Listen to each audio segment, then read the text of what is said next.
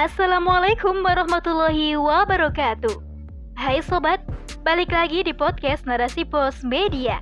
Kali ini bersama saya Dewi Fitriana dalam rubrik opini dengan tema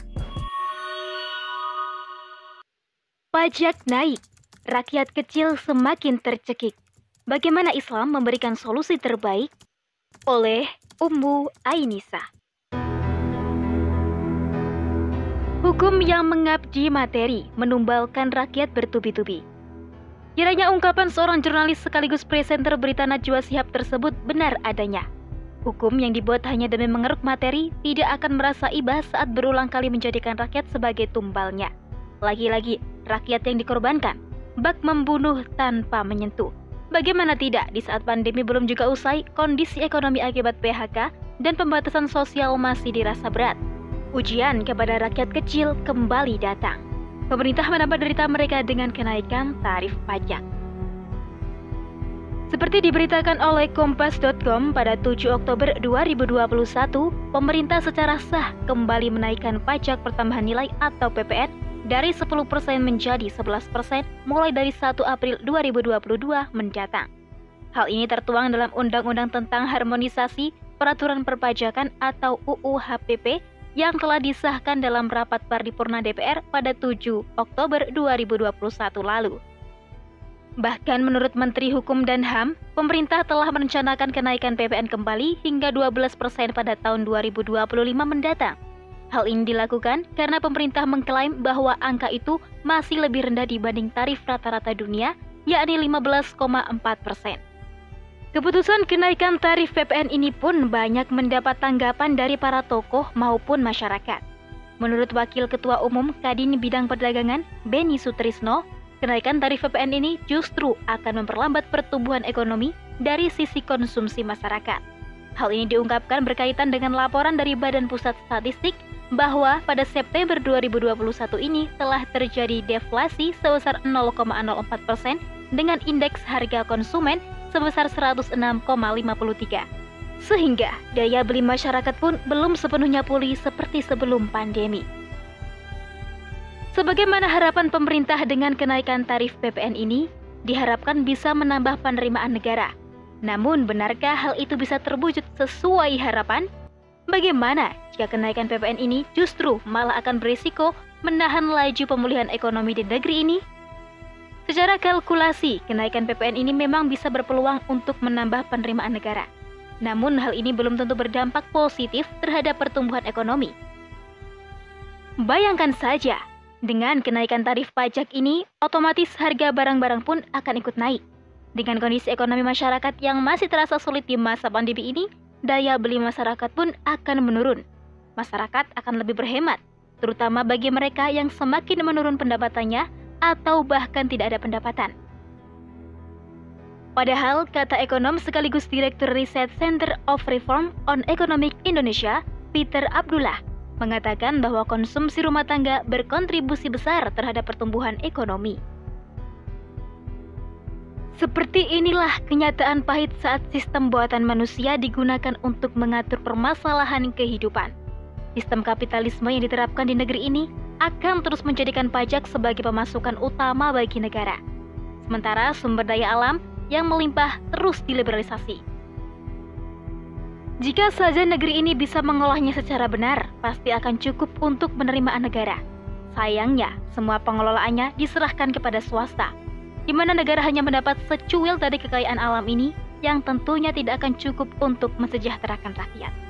Akibatnya, rakyat yang sudah melarat akan terus dipalak dengan pajak Jangankan bisa menikmati hasil SPA yang melimpah tersebut, untuk merasakan jalan yang mulus, sekolah yang layak ditempati pun, mereka harus membiayai sendiri dengan membayar pajak. Belum lagi jika nantinya pajak tersebut masih dikorupsi. Maka, rakyat kembali hanya bisa gigit jari, ibarat sudah jatuh masih tertimpa tangga.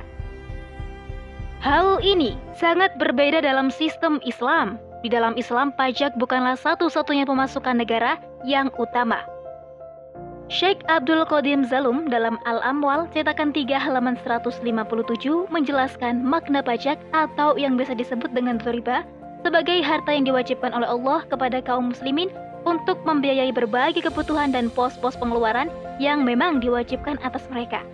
Pada kondisi di mana Baitul Mal sedang kosong, tidak ada uang atau harta.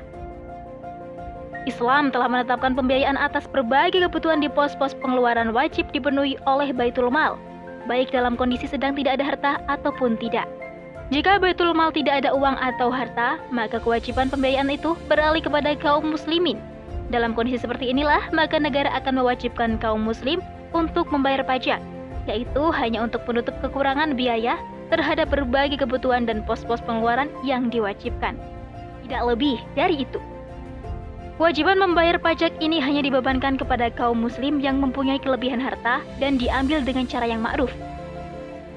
Di antaranya, Pemungutan pajak ini nantinya akan digunakan untuk pembiayaan hal-hal yang mendesak dan penting saja, yaitu yang pertama, membiayai jihad dan segala hal yang berkaitan dengan jihad.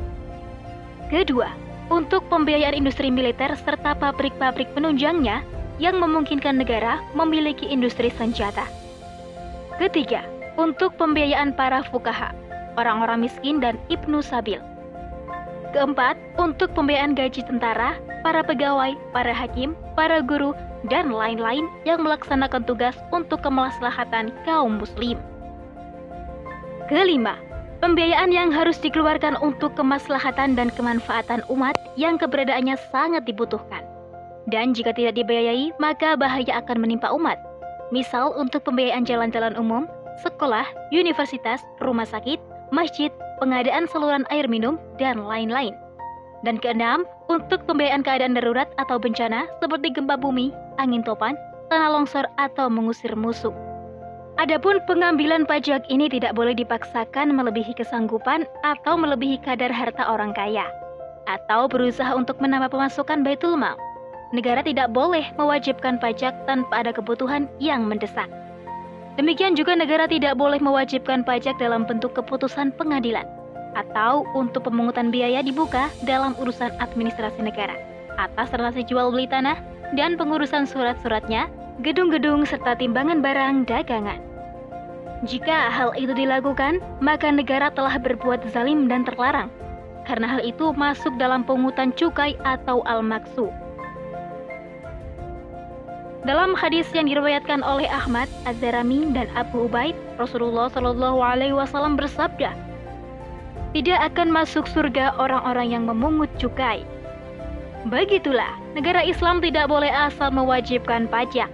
Sementara untuk pendapatan negara sendiri ada 12 sumber pendapatan dalam negara Islam, yaitu di bagian fa'i dan khorot yang meliputi ghanimah, khorot, status tanah, jizyah, fa'i, dan pajak atau zoriba. Selanjutnya, bagian kepemilikan umum yang meliputi minyak dan gas, pertambangan, laut, sungai, perairan dan mata air, hutan dan padang gembalaan, listrik serta aset-aset yang diproteksi negara untuk keperluan khusus. Selain itu, ada pemasukan yang berasal dari zakat atau sodakoh atas kepemilikan harta yang hanya wajib bagi kaum muslim. Zakat ini hanya diambil pada harta yang sudah mencapai nisab, setelah dikurangi utang-utangnya dan telah mencapai satu tahun kecuali untuk zakat tanaman dari hasil pertanian dan buah-buahan. Maka zakatnya diwajibkan pada saat panen. Zakat ini meliputi zakat uang dan perdagangan, zakat pertanian dan buah-buahan, serta zakat ternak seperti unta, sapi, dan kambing. Untuk pos zakat ini akan dibuatkan tempat khusus di dalam Baitul Mal agar tidak bercampur dengan harta lainnya.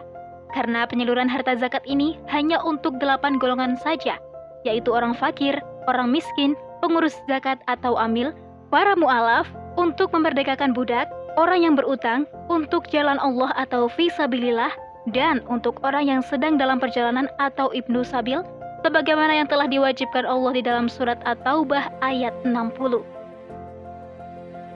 Demikianlah, Islam memberikan solusi terbaik dalam mengurusi rakyat, negara Islam mampu menyejahterakan umatnya tanpa menzolimi dengan pungutan pajak yang mencekik.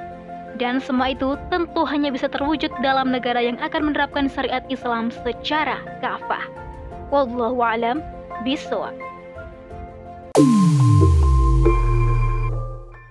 Oke deh, sampai di sini dulu. Saya Dewi Fitriana, pamit undur diri dari ruang dengar sahabat semuanya. Sampai jumpa di rubrik opini selanjutnya. Tentunya di podcast Narasi Pos. Cerdas dalam literasi media, bijak menangkap peristiwa kunci.